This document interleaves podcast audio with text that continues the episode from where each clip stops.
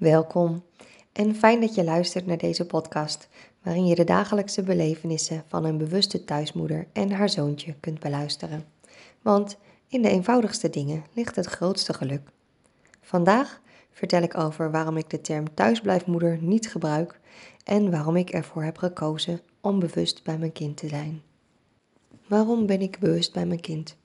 Tja, dat begon eigenlijk al toen ik heel jong was. Als klein kind wist ik al dat zwanger zijn en moeder worden, dat dat gewoon eh, ja, in mijn toekomst zou liggen. En dat ik dat op een hele serieuze manier zou gaan aanpakken. De keuze om bewust bij mijn kind te zijn is denk ik niet een keuze geweest die ik vanaf de dag één heb gemaakt en waarin ik uh, al wist dat ik dat voor de rest van zijn leven zou doen, bij wijze van spreken. Maar het is eigenlijk meer een keuze geweest die heel stapsgewijs steeds een keuze was voor de volgende stap in het proces en de volgende stap in het proces. En van daaruit ben ik eigenlijk bewust bij mijn kind nu. In de loop van mijn leven heb ik het volrecht gehad om meerdere kinderen te mogen meehelpen opvoeden. Ik had vaak oppaskindjes en heb in mijn studententijd ook heel lang vast op twee kinderen gepast.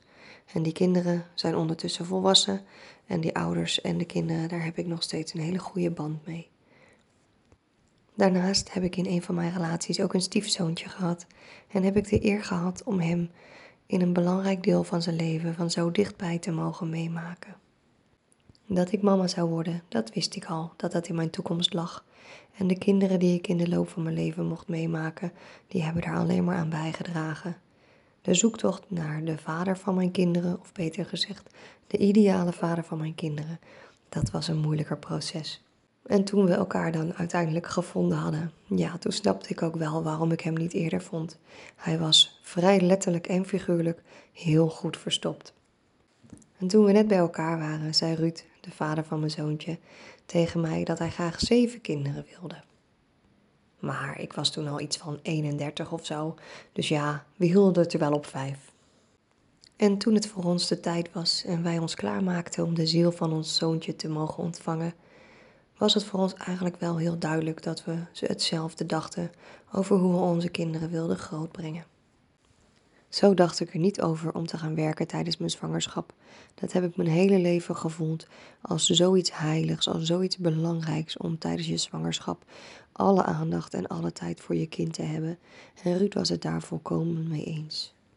Zodoende heb ik een hele ontspannen en fijne zwangerschap kunnen hebben, waarin ik heel veel contact kon maken met het zieltje wat in mijn lichaam groeide en heb ik ook een hele mooie bonding before birth cursus kunnen doen. Dit alles gaf mij al zoveel bewustzijn over dat er niets belangrijker was dan dat. En dat voel ik eigenlijk nu nog steeds. Het belang van Wies staat voorop. Ook kenden Ruud en ik vanuit de Kundalini Yoga de traditie om de eerste 40 dagen na de geboorte niemand op bezoek te laten. De eerste 40 dagen na de geboorte zijn een heilige periode voor het kindje, de mama en de papa en waarin heel veel aandacht kan worden gegeven aan de hechting, heling en herstel. Het is een ontzettend mooie en belangrijke periode en wij wisten van tevoren al dat we dat wilden doen. En gelukkig hadden we vrienden en kennissen die dit ook kenden, waardoor het wat makkelijker was om het uit te dragen binnen de gemeenschap. Maar natuurlijk vonden onze ouders het niet zo heel erg leuk. Wij hebben hen goed voorbereid tijdens de zwangerschap al en hen goed uitgelegd waarom het voor ons van belang was om zo bij elkaar te blijven. En we hebben in het midden gelaten of we ze misschien na één of twee of drie weken, wanneer het goed zou voelen, toch al zouden uitnodigen. En niet pas na de eerste veertig dagen. Het opvallende is dat als je er met mensen over praat die de traditie helemaal niet kennen, dat ze dan heel vaak eigenlijk alleen hun eigen belang vertellen in de situatie. Namelijk dat ze het zo leuk vinden om zo'n kleintje te zien.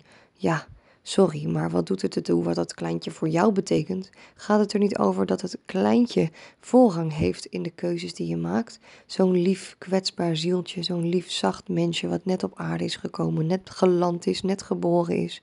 Volgens mij gaat daar de aandacht naar uit.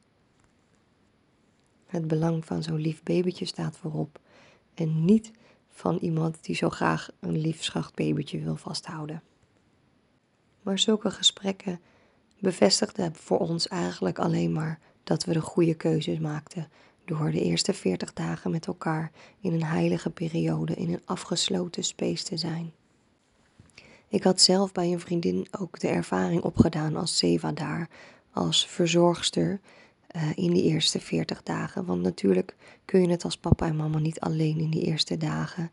En kan je dus, als je dat fijn vindt, een lieve vriendin of een lieve vriend vragen om je te helpen, om je te ondersteunen in die tijd.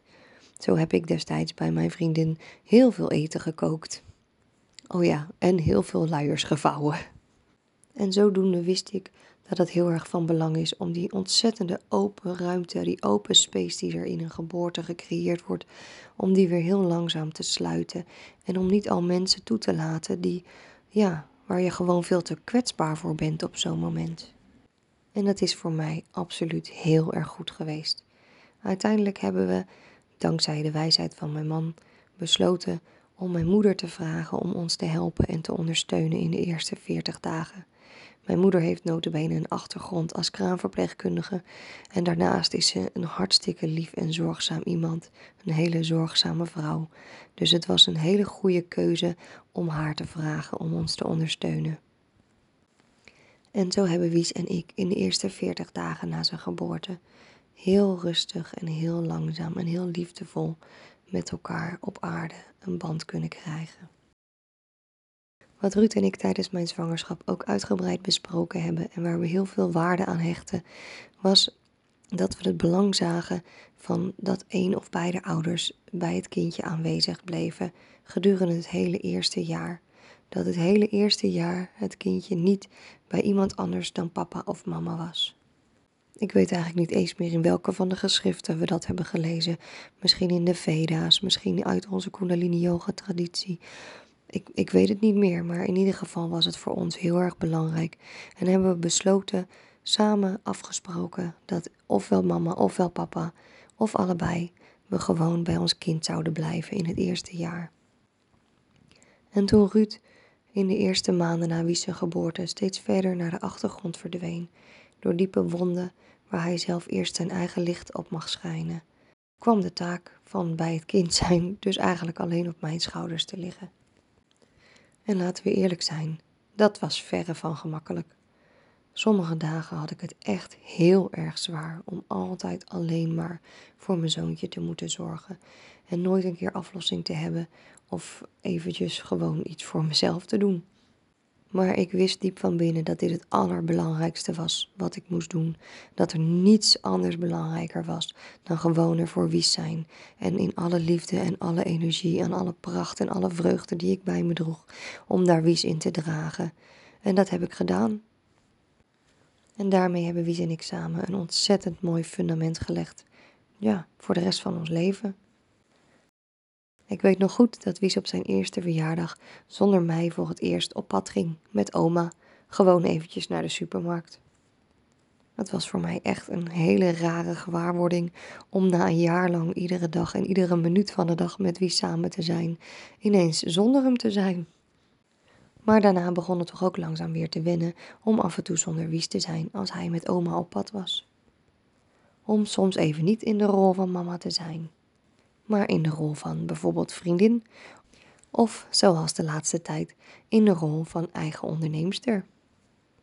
Want wat ik in de loop van de afgelopen paar jaar heb gemerkt, is dat het zo belangrijk is om bij mijn kind te zijn. En dat ik dat het liefste aan alles en iedereen zou willen vertellen. Hoe mooi het is en hoe fijn het is en hoe goed het is voor moeder en kind. En zodoende ben ik begonnen met een bedrijf op te starten vanuit alle ervaringen die ik al had van vanuit de Kundalini Yoga en vanuit het Sikhisme en vanuit mijn werk en als opvoeder en als moeder. Om al die dingen te combineren in een bedrijf. Om andere moeders die ook bewust bij hun kind zijn of die bewust bij hun kind willen zijn, te ondersteunen en kracht bij te zetten. En het mooie is dat ik dat dus heerlijk tussendoor kan doen. Dat ik gewoon bij Wies kan zijn en dat ik ondertussen een eigen bedrijf kan runnen. Ik voel me daar zo ontzettend in gezegend. En op die manier loopt privé en werk en werk en privé volledig in elkaar over en compleet door elkaar heen. Ik heb mijn bedrijf bewust bij mijn kind genoemd. Want dat is wat ik ben, bewust bij mijn kind. Ik ben geen thuisblijfmoeder. En eigenlijk ben ik ook geen thuismoeder, want zoveel thuis ben ik niet. Ik ben bewust bij mijn kind. Want wat is eigenlijk een thuisblijfmoeder? De term suggereert dat er iets tegenover staat, namelijk dat de moeder blijkbaar eigenlijk zou moeten werken. Is dat zo? Is de norm in ons land dat moeders moeten werken? In mijn ogen is de norm dat moeders bewust bij hun kind zijn. En ik weet uit ervaring dat dat mogelijk is. Uit welke omstandigheden je ook komt en wat je ook is aangeleerd en wat je ook hebt ervaren in je verleden. Als jij wilt, kun je als moeder bewust bij je kind zijn. Moederschap is de heiligste rol die je ooit zult krijgen. Dus als jij als moeder bewust bij je kind wil zijn, dan stimuleer ik je om dat ook te doen. Volg je hart. Dank je wel voor het luisteren. Je bent welkom om mij ook op Instagram te volgen. Mijn kanaal heet daar ook Bewust bij mijn kind.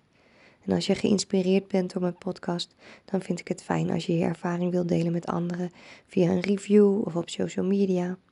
En op mijn website bewustbijmijnkind.nl vind je nog meer inspiratie en mijn volledige aanbod. Ik wens je een mooie dag of een hele fijne nacht.